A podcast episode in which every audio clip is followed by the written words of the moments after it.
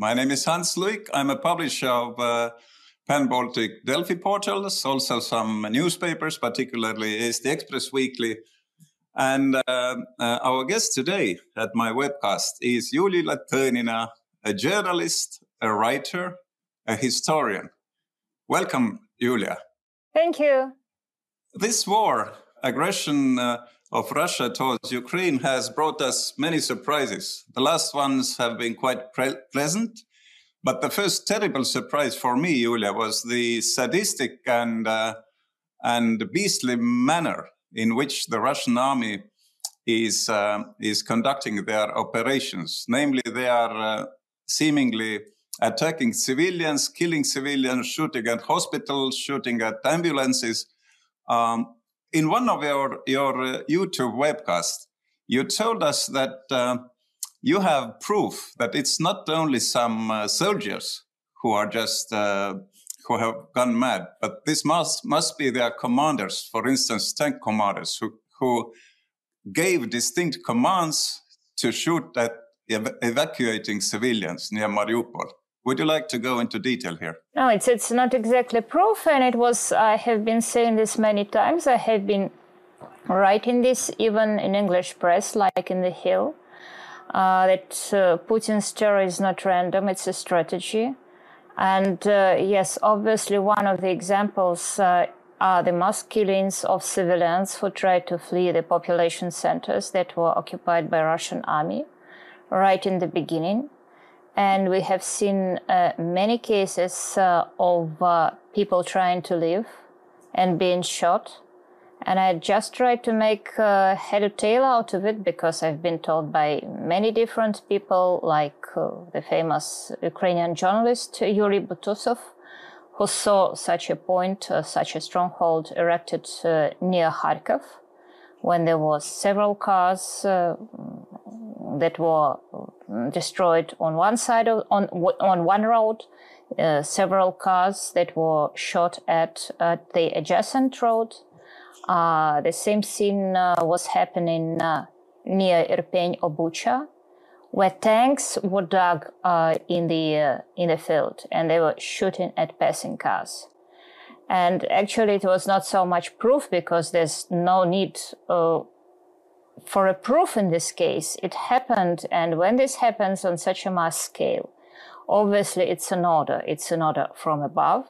Actually, we have some evidence uh, about these orders that were given. For instance, there's a case uh, of a Russian uh, lieutenant who was trying to shield with his body two women who were shot at.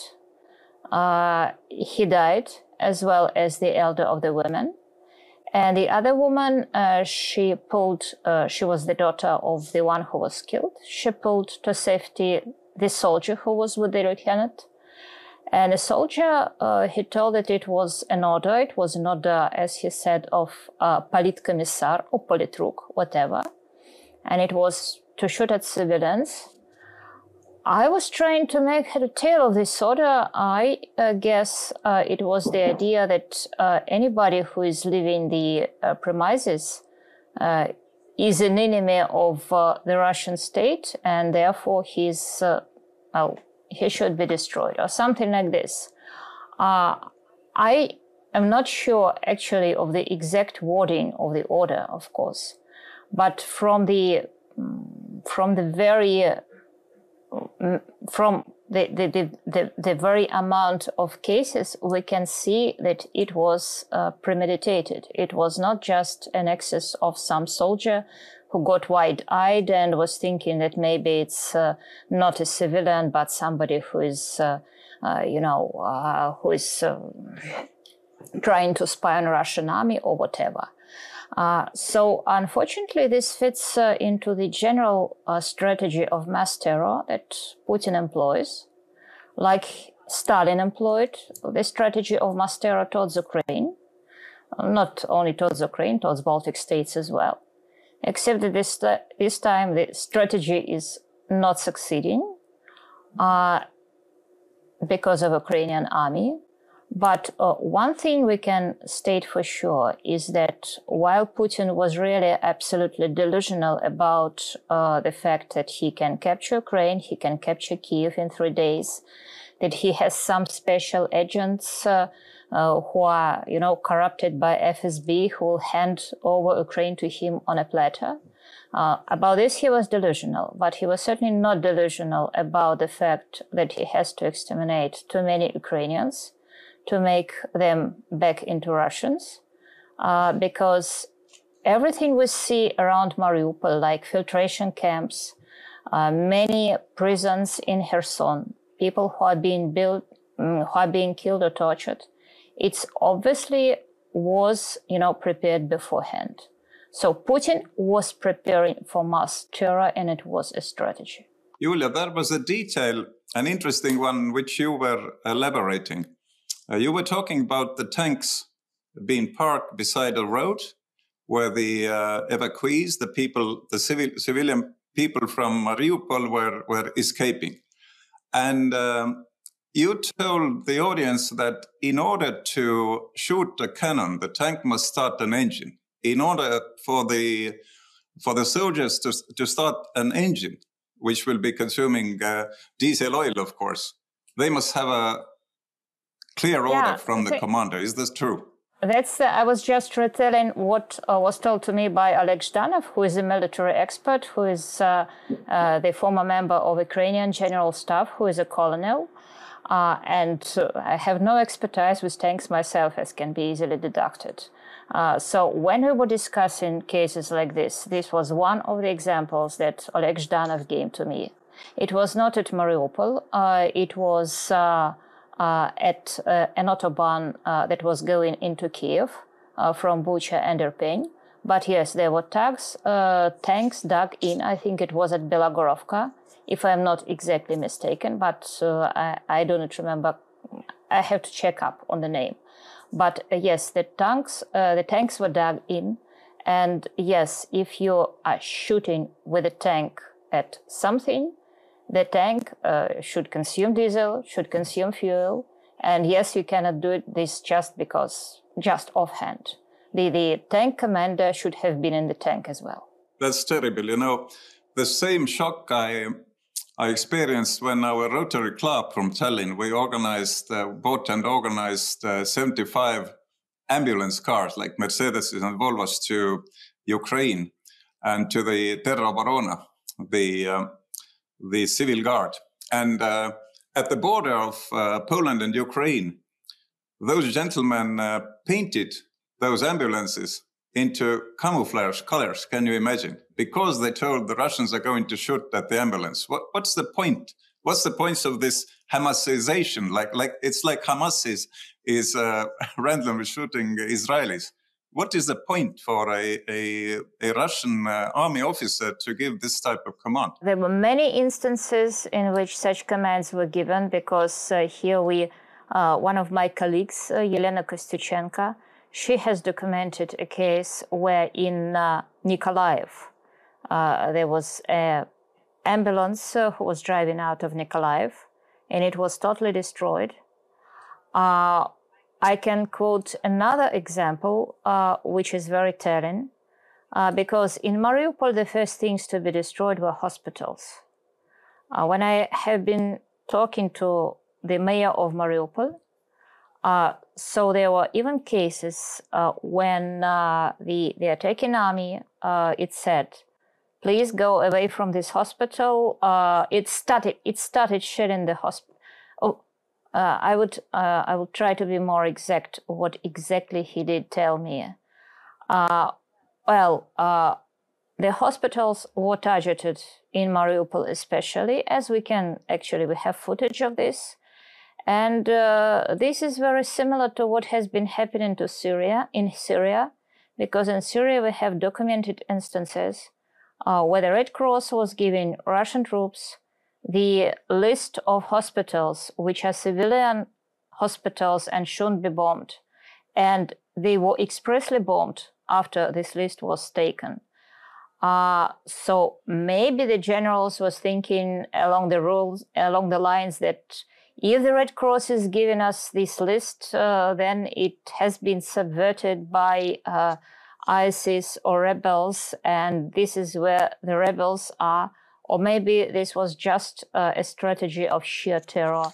Because for the sake of me, I have been even talking to the people who ran the Mariupol Drama Theater. I mean, who were managing it not when it was a drama theater, but when it was a shelter. Uh, because the reason so many people uh, were in the theater uh, was uh, just because people started naturally gravitating towards the shelter. And then some volunteers started organizing it as a shelter, and more and more people started coming.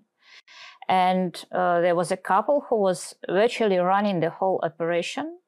Uh, their name is Zabagonsky.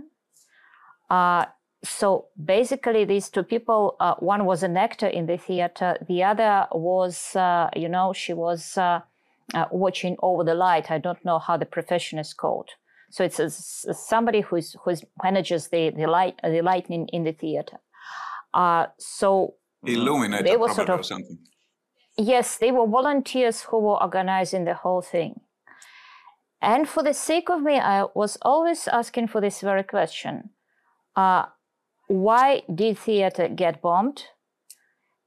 And I still don't know the answer. Uh, one of the tentative, tentative answers I can give is that uh, before the bombing, just a couple of days before the bombing, the uh, people from Azov, they came into the theater.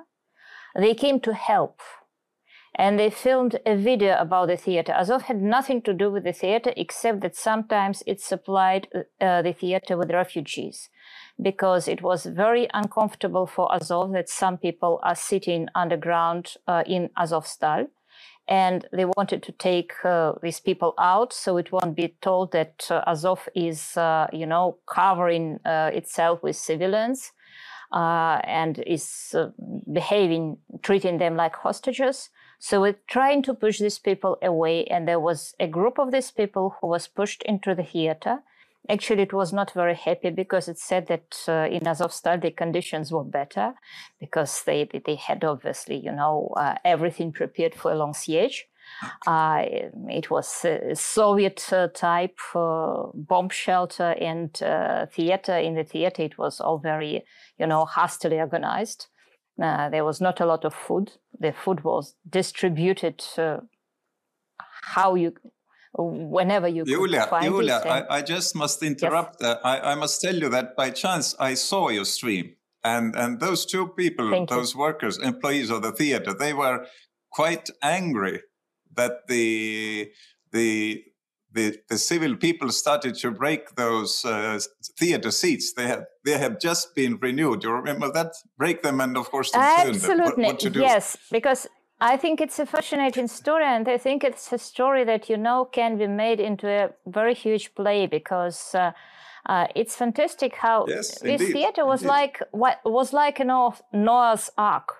Uh, because it was not suited actually to to uh, hosting uh, to accommodating many people uh, because look uh, it had toilets for instance well theaters toilets are not suited for thousands of people staying in the theater for days and days and days. And actually, the lady who was managing the theater, who was, say, the chief manager, she was, can you imagine it, cleaning the toilets herself. And you should understand that it was freezing temperatures and there was no water. So the, the task of simply cleaning it, and uh, actually, I think it's that's true leadership because you know uh, leadership you assume leadership you could have sent somebody else to clean the toilets she did it herself they uh, were getting wood from somewhere uh, you know and they were not cutting down the trees in the park they were getting uh, uh, you know distributing foodstuffs uh, distributing clothes distributing you know anything to cover you with uh, water, things like this. It was absolutely terrific, and it was bombed in the end. So, and actually, she was quite From angry the, at Azov from the itself. video. fr- yeah. Yes, the lady was quite angry at Azov Yes. itself. Not that she could uh, re- Yes, reproach that. Azov with something, but it was clear that uh, you know she was managing this uh, thing, uh, and uh, she was looking after the well-being of the people inside. And Azov obviously had uh, you know other uh, other goals. For instance, Azov came and demanded uh, some cars to take away the, the people who were uh, who were wounded and who were dead. And obviously, Azov, uh, well, it was absolutely it was absolutely you know okay to demand this. But the lady in question, she was very angry because she said, "Look, the people who came to theater, these are the people who want to leave, and they came with their cars because they're waiting them they, they, they, for the time to leave. And by taking their car, you're depriving them of the possibility to leave. And obviously, she has her, you know, her own point of view, and this is also completely justified. So uh, it's, it's, it's, it was very interesting to watch this uh, interplay of emotions of uh, girls. And uh, the lady, as I've said, she absolutely confirmed that Azov, which she didn't particularly like, that Azov has nothing to do with the theater. But she said that Azov filmed a video about the theater, saying that uh, it is very well run, it is very well organized, and if you have problems, please come to the theater. You may be evacuated from it. So, uh, my guess is that maybe somebody saw this film and uh, somebody, you know, uh, and reported that this is the place run by Azov or something like this. Uh, I, I actually don't have good explanations. I have only bad explanations for what is uh, for what was happening. And uh, can I just ask? Fair enough, uh, fair enough. I, I remember also inside this video, the, the lady you interviewed uh, was telling that the pilot who bombed and, and killed those people uh, uh, who had been escaping into the shelter in this uh, very famous theater now, the pilot, after dropping the bombs, was still circulating around town. So this guy knew, knew exactly that it was this target, this theater, and there was also a sign uh, saying Deti, children. Where are those famous uh, Wunderwaffen of, of Russians? Is this all they have? What, which they have uh, demonstrated throughout those six months of war in Ukraine. And uh, where's the Armata tank, for instance? Tell us about the, the wonderful weapons, heavenly weapons, the Wunderwaffen. Wunderwaffen. Oh, you know, Armat, uh, Armata tanks is a perfect exa- uh, tank is a perfect example because you won't believe it. Uh, but this is the story I had from two of my friends who are still in Russia, and uh, he's, uh, you know, um, he's asking Russian patriots, "Where is Armata?" And the answer is, you won't believe it. It's a joke, of course, but these people are saying this with straight faces. It's too valuable uh, to be uh, used uh, uh, in, in Ukrainian battlefields. And the other answer is, you won't believe it. Uh, it's a strategy. Uh, we're showing uh, our real enemy is the United States. So we're showing them our diminished capabilities on purpose so that to lure them into the sense of false security. And if we have to fight with America, there will be Armata. Speaking about Putin uh, wonder weapons, I think, uh, but speaking, of course, seriously and not uh, just uh, this Armata joke, which is not a joke, which is really people trying to explain away the reality because uh, Putin was absolutely delusional. He was saying that he has weapons he does not have, and he probably really believed uh, he has them. Uh, but I can give you one example, which I think is very fitting and very important, uh, and characterizes uh, basically what's happening inside Putin's head and inside Russian ideology and the state of deterioration of military industry under Putin. Uh, this is the example. That's the missile, nuclear, ballistic nuclear intercontinental missile called Satan. It's SS 18. It's a famous missile that is uh, still the foundation. It was uh, put into service back in uh, year 1975. Uh, and it is actually the foundation of Russian uh, nuclear force, which is pretty important to Putin because without nuclear weapons, he will be just, you know, uh, an African dictator whom nobody fears. And he will be dealt with quickly. Uh, so uh, the amount of uh, Satan is really a very good rocket from a technical point of view. It is able to go into space. It does not do this uh, nominally because uh, there's uh, a treaty that prevents this. But from the physical point of view, it can go into space, and the rocket that is civilian rocket that is called Dnipro uh, that is based on Saturn. It goes into space and it has, and has payload of uh, 4, point, uh, 4, 4.5 tons. Uh, it is absolutely invulnerable to any American uh, air defense, anti-rocket, anti-missile defense, uh, because there is no missile defense uh, in United States or anywhere else which can take out uh, a ballistic rocket, especially a number of ballistic rockets uh, with warheads, and it has 10 warheads and uh, 40 uh, decoys. And these warheads, they, they uh, when they enter the atmosphere, they enter the atmosphere at hypersonic velocities because every warhead that is entering the atmosphere, it's doing this at hypersonic velocity because of the laws of physics. And the number of Satans that uh, Putin can dispose of, it diminishes rapidly. Uh, it uh, dropped from hundreds to uh, 46 uh, back in year 2016. And uh, as I've said, it's vital to Putin.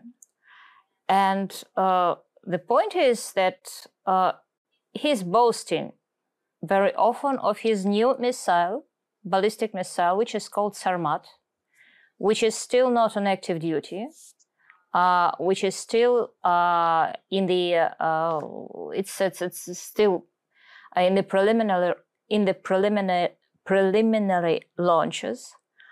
Uh, and it's boasting uh, about Sarmat that it can do all these things I enumerated, that it can fly into space, uh, that it uh, can overcome any uh, air defense, uh, that uh, its warheads are entering the atmosphere at hypersonic speed.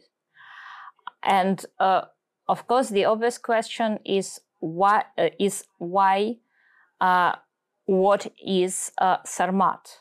And the funny answer is that this Sarmat is just a copy of Satan uh, actually, it's it's uh, sort of uh, because Satan was uh, manufactured in Ukraine, in what is now Ukraine, uh, and uh, this is the reason their number is falling down because obviously Ukraine is not servicing these rockets, and the only thing Putin is trying to do for the last eight years is to manufacture a rocket, is to manufacture a missile that is actually exactly like Satan. Well, maybe there are some bells and whistles because obviously time has changed. It's uh, almost 50 years old.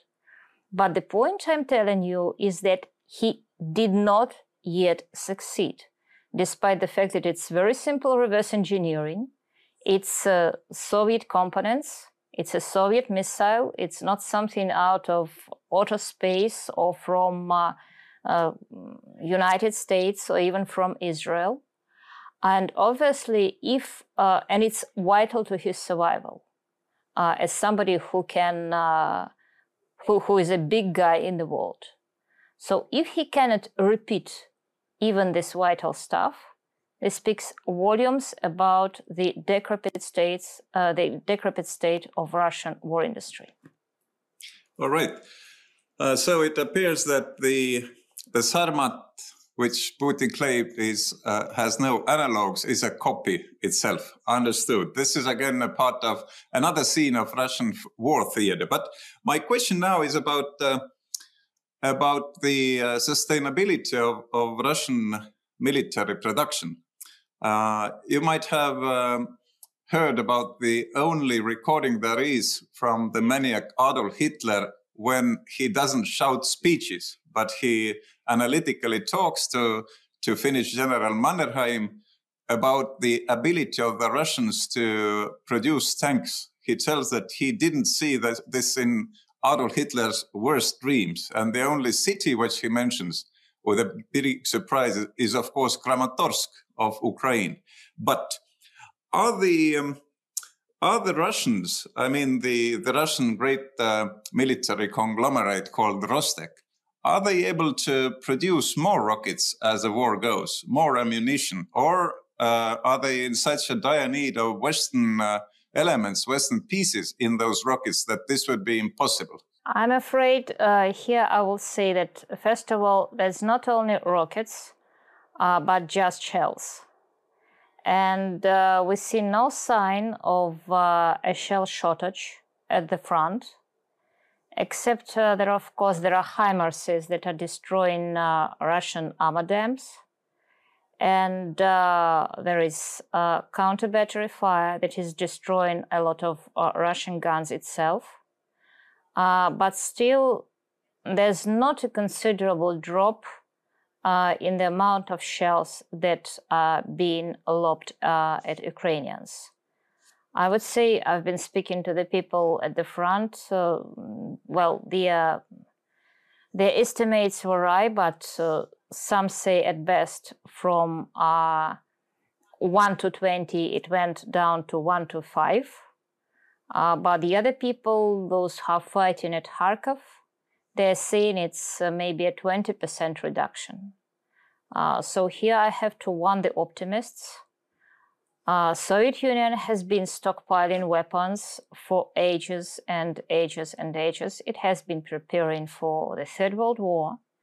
And obviously, all these shells are right now at the disposal of Mr. Putin. Yes, they are old. Some of them don't function. I do remember Peter Kotin, this is the head of uh, Ukrainian Energoatom, uh, telling me a very telling example. Actually, I think it's it's it's sort of uh, you know something that signifies for me the vagaries of this war. Uh, when Russian tanks were shelling uh, the uh, nuclear power station at Zaporozhye, uh, they were using shells and some of the shells did not explode because they were too old. So, you know, the whole idea of, on the one hand, shelling the nuclear power station and hitting directly the reactor building. And on the other hand, some of the shells not exploding because they are too old. That's, that's highly symbolic, I think, of this war.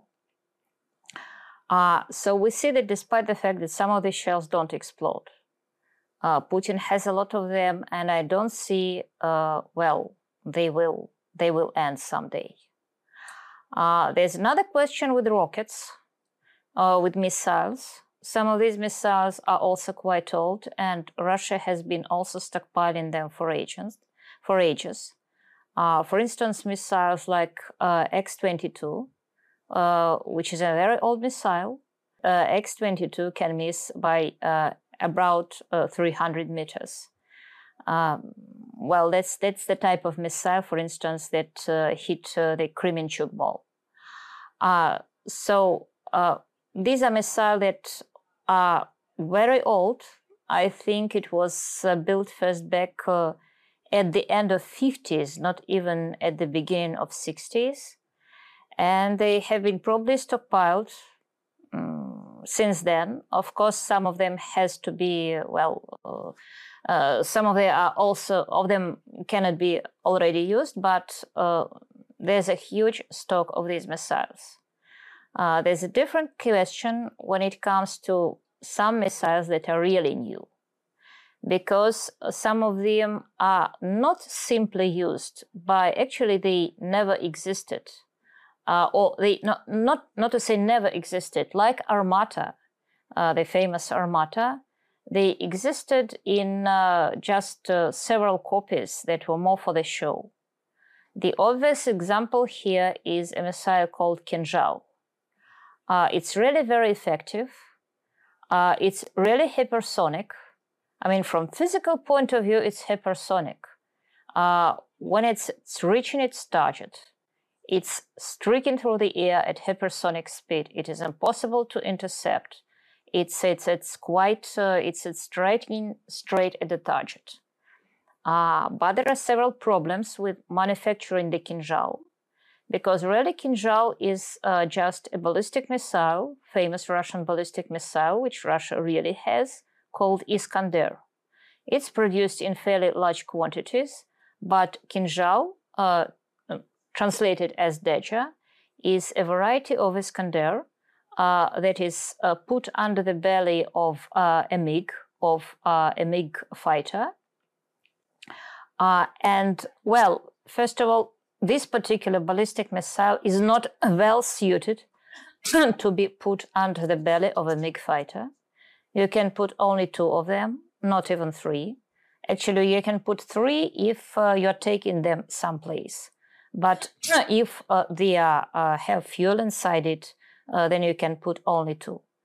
Uh, so uh, the fighter in question is not very well suited to launching these missiles because it was used for totally different purposes. It's very ungainly in the air in this configuration. Uh, as one of my friends, a former fighter pilot himself, Roman Svitan, put it, it's like a putting putting Mercedes in front of a horse carriage.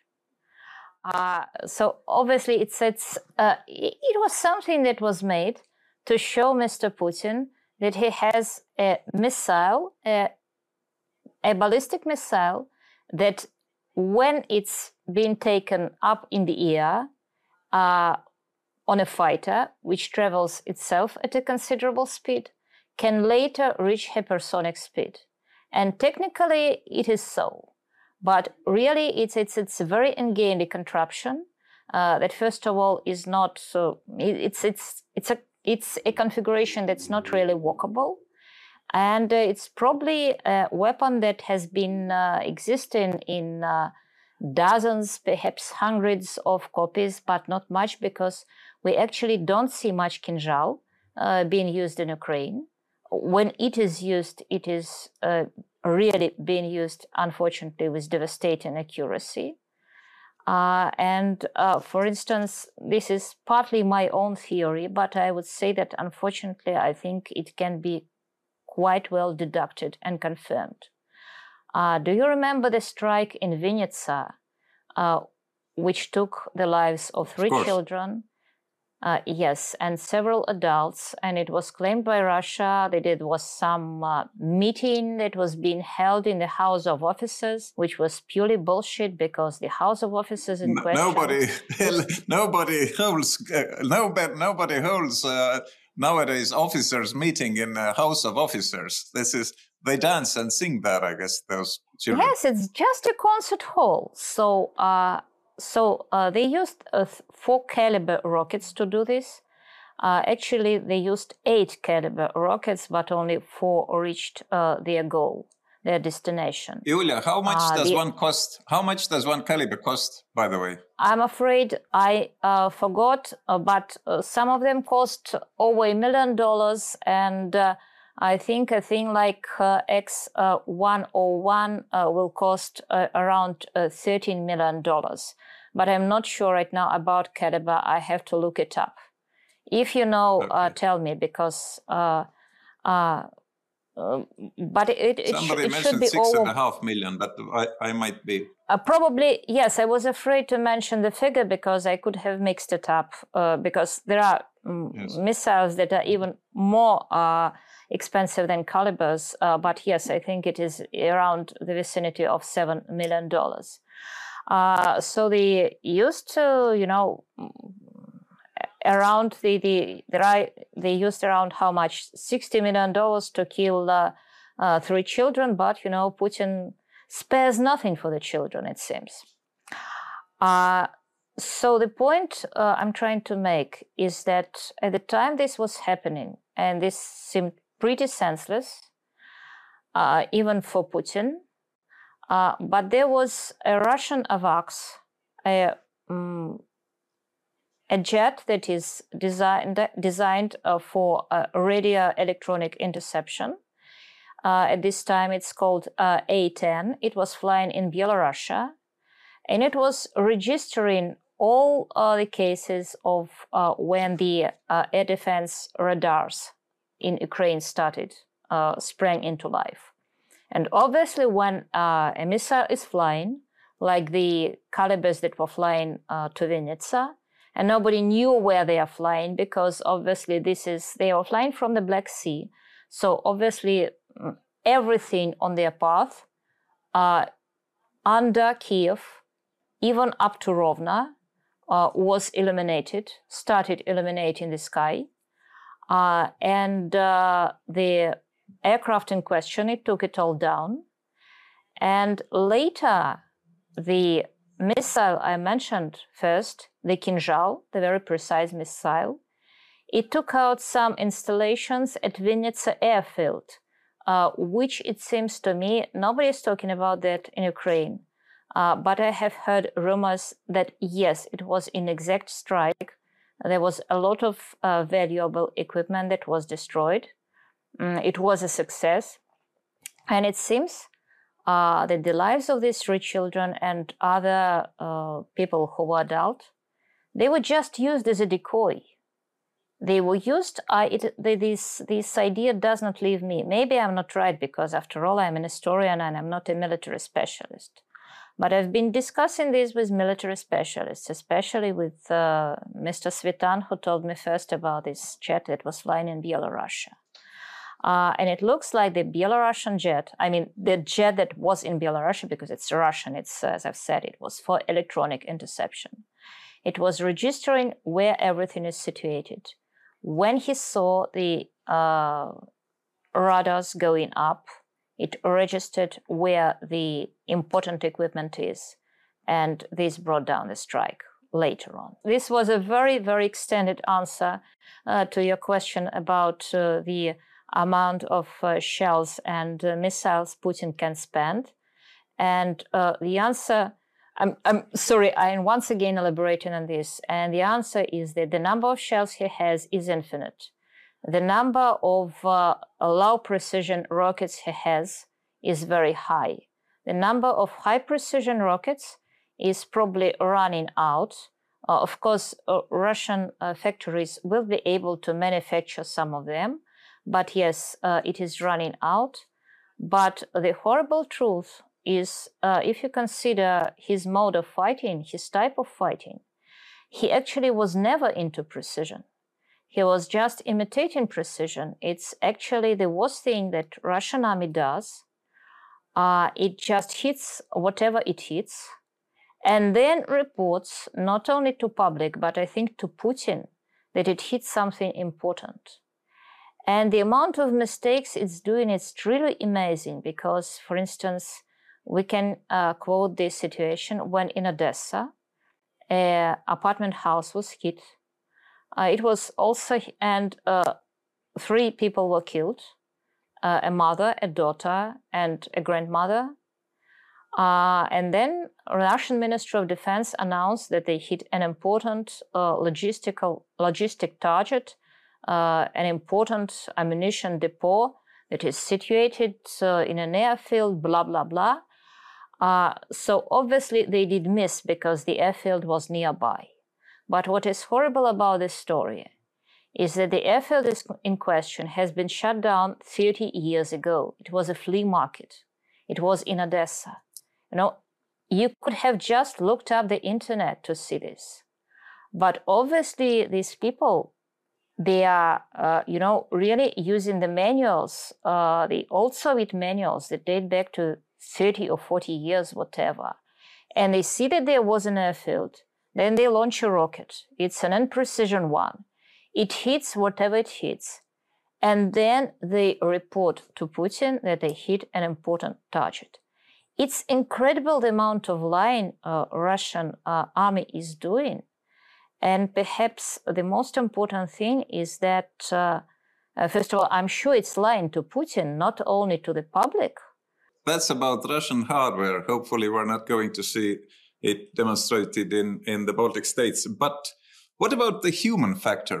Uh, Russian intelligence has been world famous in their numbers of uh, defecting uh, intelligence officers like Gordievsky, Suvorov, Yuri Shvets, you know, Zhirnov, who lives currently in, in France. Why don't they defect right now? And another question. Everybody uh, in Ukraine, probably also in Poland, in, in Czechoslovakia, in, in Czechia, and in the Baltic states was looking forward for the Russian uh, plain soldiers to defect. There's a Russian league in Ukraine, which I must mention is, is uh, a very small one even compared to to uh, what is it, Kalinovsky Polk, the Kalinovsky regiment, who is uh, manned with Belarusians, and there's much more people there. Why don't they defect? Do they enjoy what they are doing, or or what? Okay, that's a very good question because I have been pondering my, it uh, myself. Uh, so first, I'll answer the question about spies. Of course, there was some defectors like the famous Sergei Skripal, uh, but he defected just for money. Not actually defected, he betrayed his own organization. And I'm using the word betrayal because, uh, well, first of all, he did it for money. There was, uh, you know, has no uh, higher ideological values. This was the guy who was sitting in Great Britain and who was watching, you know, Russian First State channel until he was poisoned uh, by his uh, countrymen and he was saying things like Krim nash. Uh, so this was a typical example of uh, Putin's uh, secret service guy uh, who was uh, selling whatever he can. And since he could sell only state secrets, in this case, he was selling, selling state secrets. Uh, but the reason Russian secret service agents did not desert before the war is uh, very simple because there were no, uh, they, first of all, they were mostly people who were serving for money, not for high ideological values. And I would say there would, was no, uh, there was no iron curtain between Russia and the West. Uh, basically, they could lead the same life in Russia and their uh, life in Russia was much more privileged because they were taking bribes, they were, you know, enjoying good things of life, and there was nothing they could sell. Basically, Russia was not very interesting to anybody. I think that Skripal didn't get paid much.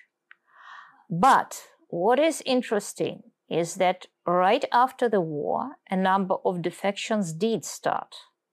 And here I'm referring to my uh, very good friend, Vladimir Osechkin, who is doing an incredible job.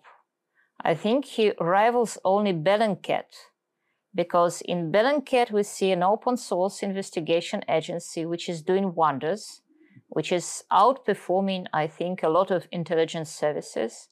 Because myself, I am always very distrustful of uh, intelligence services, secret services, because when nobody can see what you're doing, you are prone to exaggerations and falsehoods.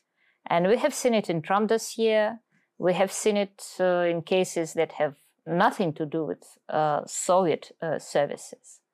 So Bellingcat is fantastic because you are competing on a market. Everybody can see that you are doing a very great job. And we can see that sometimes Bellingcat does consult uh, for instance, it consulted uh, German's uh, General Prosecutor Office, or whatever it is called, I don't know, uh, in the case of uh, this uh, murder on a bike in Berlin. because they knew everything about the killer, and the, the, the, German authorities they, they could not make head or tail of it. so the guy who rivals Bellingcat single handedly is my good old friend uh, Vladimir Osechkin, the founder of Gulagu.net, which was originally a site uh, that has a very, very uh, specific task that of fighting uh, uh, that of fighting torture in Russian prisons. But then some people started running over to Mr. Osechkin, uh, starting with some of the people who had evidence about this torture. And then people inside Russian secret services, they just realized they have an option to run away after the beginning of the war. And now Mr. Osechkin created, has collected uh, quite a string of refugees. Uh, for instance, uh, his latest uh, newcomers uh, is a Secret Service agent uh, who was watching over Russian nuclear installations and Russian nuclear works in Sarova. Another guy is a nuclear physicist over him, over whom this secret agent was watching. People like that. His latest edition is uh, a man I would highly recommend uh, to your attention. His name is Pavel Filatyev. Uh, this is the guy who fought uh, in the war, uh, who enlisted in Russian army just before the war. He was appalled by what he saw. He uh, stayed at the front for several months. Is Then this he- the well, guy? Is this the guy who published the book? Who, who published Yes, the book? this is exactly the guy who published the book. Yes, I know. And actually, I read the book. I can say it is a, surprisingly a very good book. It is full of very, uh, first of all, it's full of incredible factual descriptions. Uh, like, uh, you know, Mr. Filatyev, who is describing like uh, for a month before the war, uh, they were, uh, you know, thrown into almost prison or concentration camp conditions on the training grounds. They were freezing. They could not. They had no proper food. They had no proper shelter. They were kept like this for a month, like dogs, like prisoners. And then they were sent to Ukraine. And this is just one of the cases when uh, this is just actually one of the reasons Russia lost war because. Uh, uh, you know, people are losing the ability to fight in such conditions. Uh, he's uh, describing many horrible things in his book. Of course, he's heavy on describing the uh, difficulties that befell uh, that befell the dutiful soldiers of Russian army, and he's very scarce, becomes very scarce when he's describing what happened to the local population. Uh, he admits that Russian army did robberies. Uh, he didn't describe this in a book, but in an interview with me, he described how uh, after uh, his commander, his commander of uh, his detachment, uh, he looted a lot of stuff in Kherson, computers and the like. He put it all in a truck, and he drove the truck then off uh, uh, to the front, uh, to Nikolaev. I don't know what happened to the truck, but uh, um, Mr. Filatyev says that uh, the commander was not very respected among the other soldiers. Uh, also mentions uh, something that's completely true that when you have been given no food, no shelter, no nothing, of course you start robbing. Uh, and he is quite frank in describing this. And for instance, he describes how in his first night in Kherson, uh, he was loath to go into any house to become a robber, but he simply had nothing to sleep in, literally. And it was freezingly cold. So he went into some shed, not into the house. He got out some, mm, they were not even wraps or whatever it was like, look, so- so some, some sheets of something. Uh, so he, he sheltered himself with this stuff. Uh, but obviously, uh, not everybody was. I, I believe him that he did exactly the thing he is writing about. But obviously, not everybody was as scrupulous as Mr. Filatyev.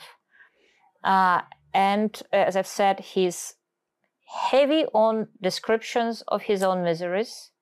He's a little bit light on what has been happening to local population, understandably. Uh, he's somebody who says we started calling each other brothers. It's hard to him to betray the brothers. Uh, yes. But this is the guy who can, for instance, write, and the, the, the book of field of these gems, who can, for instance, write. In Russian military institutions, they teach you the only one thing to perfection, and this is to carry out the orders of the superiors, however stupid they are. I think the guy who writes like this, and this is on every page, it's it's uh, you know it's it's it's it's really good. I wouldn't say that it's uh, you know. Uh, so the book is quite interesting, very interesting. It's a document, and I hope he will write the continuation. Yulia, Yulia, and I'm actually, sorry to interrupt. Yulia, I'm sorry to interrupt. Yes. Okay. Oh, yes. Okay. Uh, I'm yes, talking and actually, to you from Tallinn now, and and uh, don't don't you're underestimating us, Julia. Of course, we we have already in our Delfi portal uh, translated uh, some extracts from this book, but I'm um, I up, see. after this uh, this episode now with you, I'm going to read it full, of course, because those could be the people who who land in our territory someday, as they did in 1940. You know. You know, I think the Ukrainian uh, the Ukrainians are taking care of that. I think the probability of Russian troops landing in Estonia is going down with every month. Uh, but yes, if Putin did succeed in, in uh, uh, Ukraine, you would have been the next. Yes, and can I speak right, of the um, one? Uh, yes, Hans, a very important oh, thing because the guy has been working all his life. He enlisted in the army only, you know, for the last several months. And actually, he was dealing with horses he's a professional guy who can, you know, uh, uh, he's a horse master or whatever you call it in English. So I think it's very important. Maybe some of the people will listen to this and they will say, aha, so this guy is now in France. Okay, maybe he'll ask for political asylum, uh, but obviously he has uh, to do something. This is, this is a very clever guy who was an underdog all his life, uh, maybe because of his uh, excess of intellect. Uh, but uh, he needs, I think, two things. He needs to write and he needs some job. And I think horses are a perfect job for him. So that's just a hint. So we are, we are arriving uh, to the topic of Russian immigration. when I discussed this with, with Mark Feygin, whom you know perfectly well, I know, uh, we uh, elaborated on the idea that the Russian immigration, I guess, uh, in Europe, including Ukraine, there, there might be, let's say, half a million Russian immigrants. They don't have a representation. But the electronic voting, let's say the blockchain, uh, blockchain possibilities of electronic, electronic voting are there. What do you, think of the idea of uh, creating an elected body for you to to represent uh, emigrate um, emigree Russians in in the front of European Union, the countries, in the front of Russian Federation if needed. And do you think it a good idea that this elected body, if this would would be happening someday, could be advising the European Union uh, uh, in the question who are the so-called good Russians. There no doubt will be good Russians who, who would be worth European visas, but uh, this body, let's say five people, would be in a position to exactly detect which are the good Russians. Not much of them, I'm afraid, but there are, I'm sure. What do you think of the elected body and the good Russians? Okay, if you want to detect the opinions of Russians, uh, it should be done not with a body, but with a specific technology, uh, IT technology, blockchain, whatever, a network. Uh, so I think this is something that should govern itself and not even uh, not be subject to you know any body, even uh, elected body.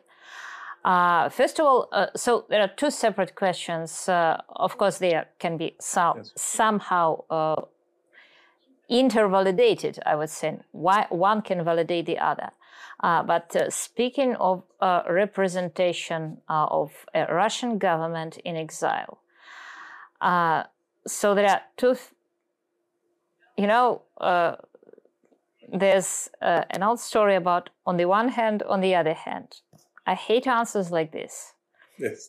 so first of all, why not to try? You know, if we don't succeed, we lose absolutely nothing. We can at least say we tried. Uh, after having said this, and after having expressed my faith uh, into, uh, you know, new digital world, which can organize people into networks, uh, social networks. After all, uh, this government can be organized along the lines of the social network, something like this.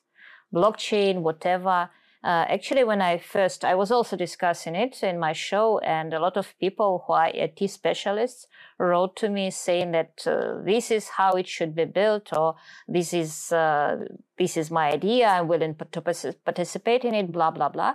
So, as I've said, why not try? On the other hand, uh, I'm a little bit skeptical uh, because uh, anytime you had a government in exile uh, this was the legal government of a country that was conquered by somebody. For instance, Polish government in exile in London uh, was a legitimate government uh, because uh, Hitler and Stalin conquered Poland, and these guys were in exile. And you could ask who elected you, and they could say, We were elected by Polish people. Uh, so obviously, this cannot be said of any Russian government in exile. And I just have to, uh, for instance, point out that after after the revolution, after the October Revolution, uh, October coup, really, uh, there was no Russian government in exile. There was a lot of immigration, but there was nothing in exile. Uh, still, as I've said, it's it's a new age, it's a digital age, and uh, nothing wrong will come out of trying. I highly there was the uh, this is okay. Uh, the idea was vented first uh, I think several months ago. Nothing was done. Uh, now it is now Mark Mark Feygin is already is um, adding is saying that he can try to organize it well, uh, I will be happy.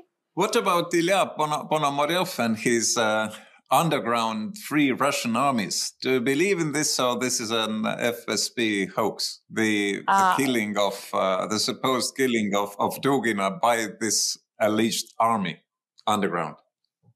Uh, look, uh, you know, uh, I uh, actually I intensely dislike the situation in which people start quarreling with each other in immigration and saying bad things about each other because we are living in a world of hurt. Let us not add to it. Uh, having said this, I would say uh, that I uh, like very much the idea of a Russian army uh, fighting against Putin. And actually, when Ponomarev started sprouting these I think, crazy ideas about uh, underground uh, underground organization carrying out uh, terrorist attacks on Russian territory, which seemed absolutely incredible to me. And uh, I think that every such organization will be either organized by FSB or riddled with FSB agents, because this is precisely where they uh, know what to do. Uh, so when Ponomarev started saying this, I said that he'd better organize a Russian army outside of uh, Russia. He is in Kiev. Kiev is fighting a war. I don't understand why didn't he uh, go to a war fighting in Ukrainian army, or why he did not like uh, Stalin's secretary Bazhanov, who tried in Finland to organize a Russian army fighting against Stalin why don't he try to organize a Russian army fighting against Putin in Ukraine? Uh, and you know, what do you know? After I said this, within a week he announced that he's organizing such an army. And since it's a very good idea, the army itself, uh, I would try not to be too skeptical of Mr. Ponomarev's abilities uh, to do this. Uh, but still, I think that such an army should be organized by somebody who is uh, fighting at the front, who was fighting at the front. As far as I know, Mr. Ponomarev was not fighting at the front. he went into territorial defense for a couple of days and then he started doing other things. And another thing, uh, speaking uh, speaking of why Russians don't uh, go over to Ukrainian side, uh, and why uh, don't they give up weapons? Uh, so here I will say three things. First, I think one of the reasons Putin practiced terror is precisely to prevent Russians from going over to Ukraine. Uh, because when you terrorize the population, you understand there's no way back. I think this one of the this was one of the biggest Putin's goals, really.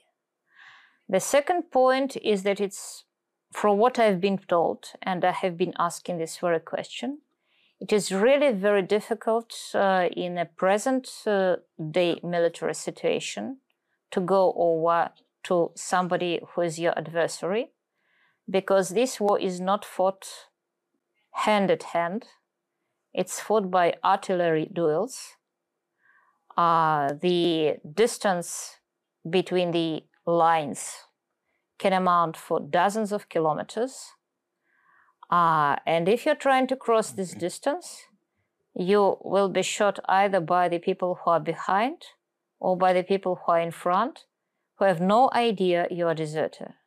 Ilya Ponomaryov doesn't, doesn't need to set up any Russian army in Ukraine because there already is a Russian legion, albeit not very populated, especially in comparison with the Belarusian Kalinovsky regiment and the Belarus people, the, their soldiers who had defected from uh, maniac Lukashenko to Ukraine, they even don't have a front. Sorry, this is perhaps this something I would like to mention because, uh, as I've said, I think. Uh, Creating Russian Legion is a very good idea, and I have been precisely describing that this uh, was uh, one of the things that uh, Mr. Bazhanov, former Stalin's secretary, wanted to do when he came to Finland uh, during the, the Winter War. Uh, unfortunately, the Winter War just uh, came to an abrupt stop, and he had to flee Finland, so not to be taken by Russian army. But he succeeded in organizing something uh, so this is a very good idea, and uh, actually, that's uh, uh speaking about legitimacy of Russian government. Uh, perhaps the only legitimate Russian government uh, can be the one that is uses Russian has Russian military force at its disposal. It's also a very good source of legitimacy. Here, some of the soldiers are listening to us uh, except that uh, since there are not many, but some Russians already fighting in Ukraine, I just don't see them coming under the banner of Mr. Ponomaryov, uh, because obviously somebody who has to head this provisional military government is somebody who has been fighting for several months. Knowing you as also a um, historian, and you have been writing several books on Jesus Christ, our Savior. Uh, tell me, what do you think about our Pontifex, uh, Pope Francis's uh, planned visit to Kiev or even to Moscow? Should Pope Francis go and shake hands with Patriarch Kirill? Should he be visiting Moscow altogether? Does he have courage no. of, of uh, going to visit Kiev? And, and another question, you know, the popes and the clergy, their task is not only to to you know to say prayers at uh, at, at, a very nice uh, morning at this very famous Vatican Square. Shouldn't they be have, uh, mm, be uh, having to behave more actively? For instance, uh, just standing in front of the Mariupol uh, city gate and and just be there, be present, be be maybe sacrificing, as the popes have constantly done throughout history. Uh, I don't remember actually many popes sacrificing themselves throughout history. Uh, I do remember a couple of uh, bishops uh, during the only real persecution that ever happened. Uh, that's the time of Emperor Diocletian. Uh, a couple of bishops, not, not a couple, actually dozens of bishops, renouncing their faith, including the Pope of Rome who was actually the Bishop of Rome at this time. and the bishop of the whole Africa. I'm just mentioning these two authors because uh, these were precisely the people that were later mm, installed uh, by Constantine uh, as the, the chief hierarchs of the church. But it's neither here nor there. Julia, um, I, I, would like first... to. I, I, would like to argue. I, I, I think. Uh, I think several of the, let's say, first ten popes uh, died as martyrs, and very forcefully. But okay, leave this aside. What about ah, Pope Francis no. now? His visit. Look, here, uh, here I will argue with this because we don't. Uh, okay, uh, okay, here I will argue with this, uh, but uh, that's not about Pope Francis. Look, uh, Pope Francis seems more intent on fighting global warming than following the tenets of of old intolerant Christian faith. Uh, I don't, you know, I just don't think anything about Pope Francis. I, I just don't really interested in people who are fighting social injustice in the West and global warming and blah blah blah, and uh, don't have the guts to stand up to Putin because I think that's that's partly what. Uh, what uh, made Putin so dangerous? What enabled him? Uh, when he saw that uh, nobody is standing up to real bullies and everybody is fighting imaginary troubles. Uh, one question, the last one about the future. Uh, in your in your last column in in Novaya Gazeta Europe, you state that there's no place and no time for uh, for the phenomenon the Russians are calling shapko kidatelstvo or bravaderie, bravado, because uh, the Ukraine forces don't have enough uh, armament, armed vehicles, or tanks to start a massive uh, counter attack. What about this? When when are they going to to amass such a uh, a, a, force to start a counter attack, or do, do we have to to wait for the winter? Now, here we should be very realistic about what you know. Ukrainians right now don't have weapons of their own uh, to speak of because whatever they had, like uh, tanks or armor, it's finished. It's totally finished. Uh, Russian army was always superior, uh, superior in in the uh, quantity of the armaments it had. The Ukrainian army is running out of guns proper. I mean, guns of old Soviet manufacture, and uh, with uh, not many exceptions, right now it's fighting with what is provided by the West. So we can see that the West and United States, they're not providing much. And unfortunately, uh, we can see now signs of change. I have been talking recently, just yesterday, with Ambassador Herbst, who is a very fine man. Yes. And uh, who is the head of Eurasia uh, Center at Atlantic Council and this is precisely the structure that fights tooth and nail for Ukraine, that is in favor of supplying more weapons. And he is one of the uh, principal authors of the famous letter in the Hill that says, provide Ukraine with more weapons. I'm afraid Ambassador Herbst was very pessimistic. I was actually, at the beginning of our conversation, I was more optimistic than at the end because I thought that uh, the the letter really did change something. No, it did not yet.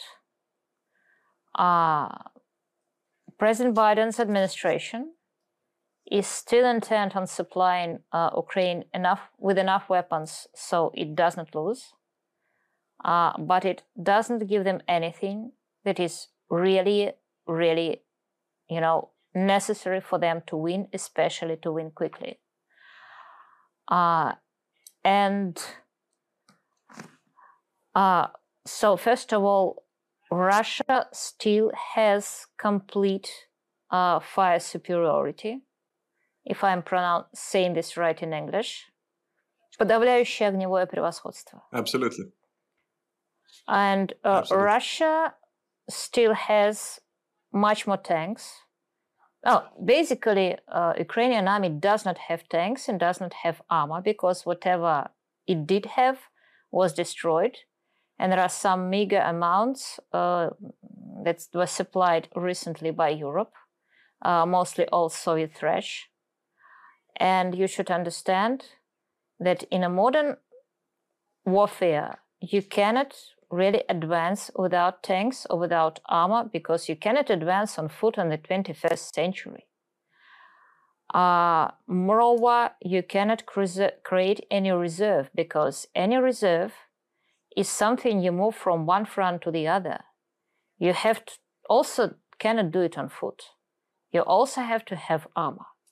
So there are two principal things, two principal deficiencies, not enough firepower and not enough armor. And this is very, very serious. And the only thing, uh, so there's another ramification of this, is that actually there's n- not, uh, you know, especially after the end of the Cold War, uh, some of these weapons are simply absent from Europe. I do remember, uh, I may be mistaken in exact figures, but I can tell you an example when President Macron uh, told Ukrainians that we uh, wanted to supply you with a dozen of Caesars, 12 Caesars. And now we're sending additional six. And this may seem not much, but you may uh, reassess your previous impression if you understand that, if I'm not mistaken, the whole number of Caesars in uh, French army is 36.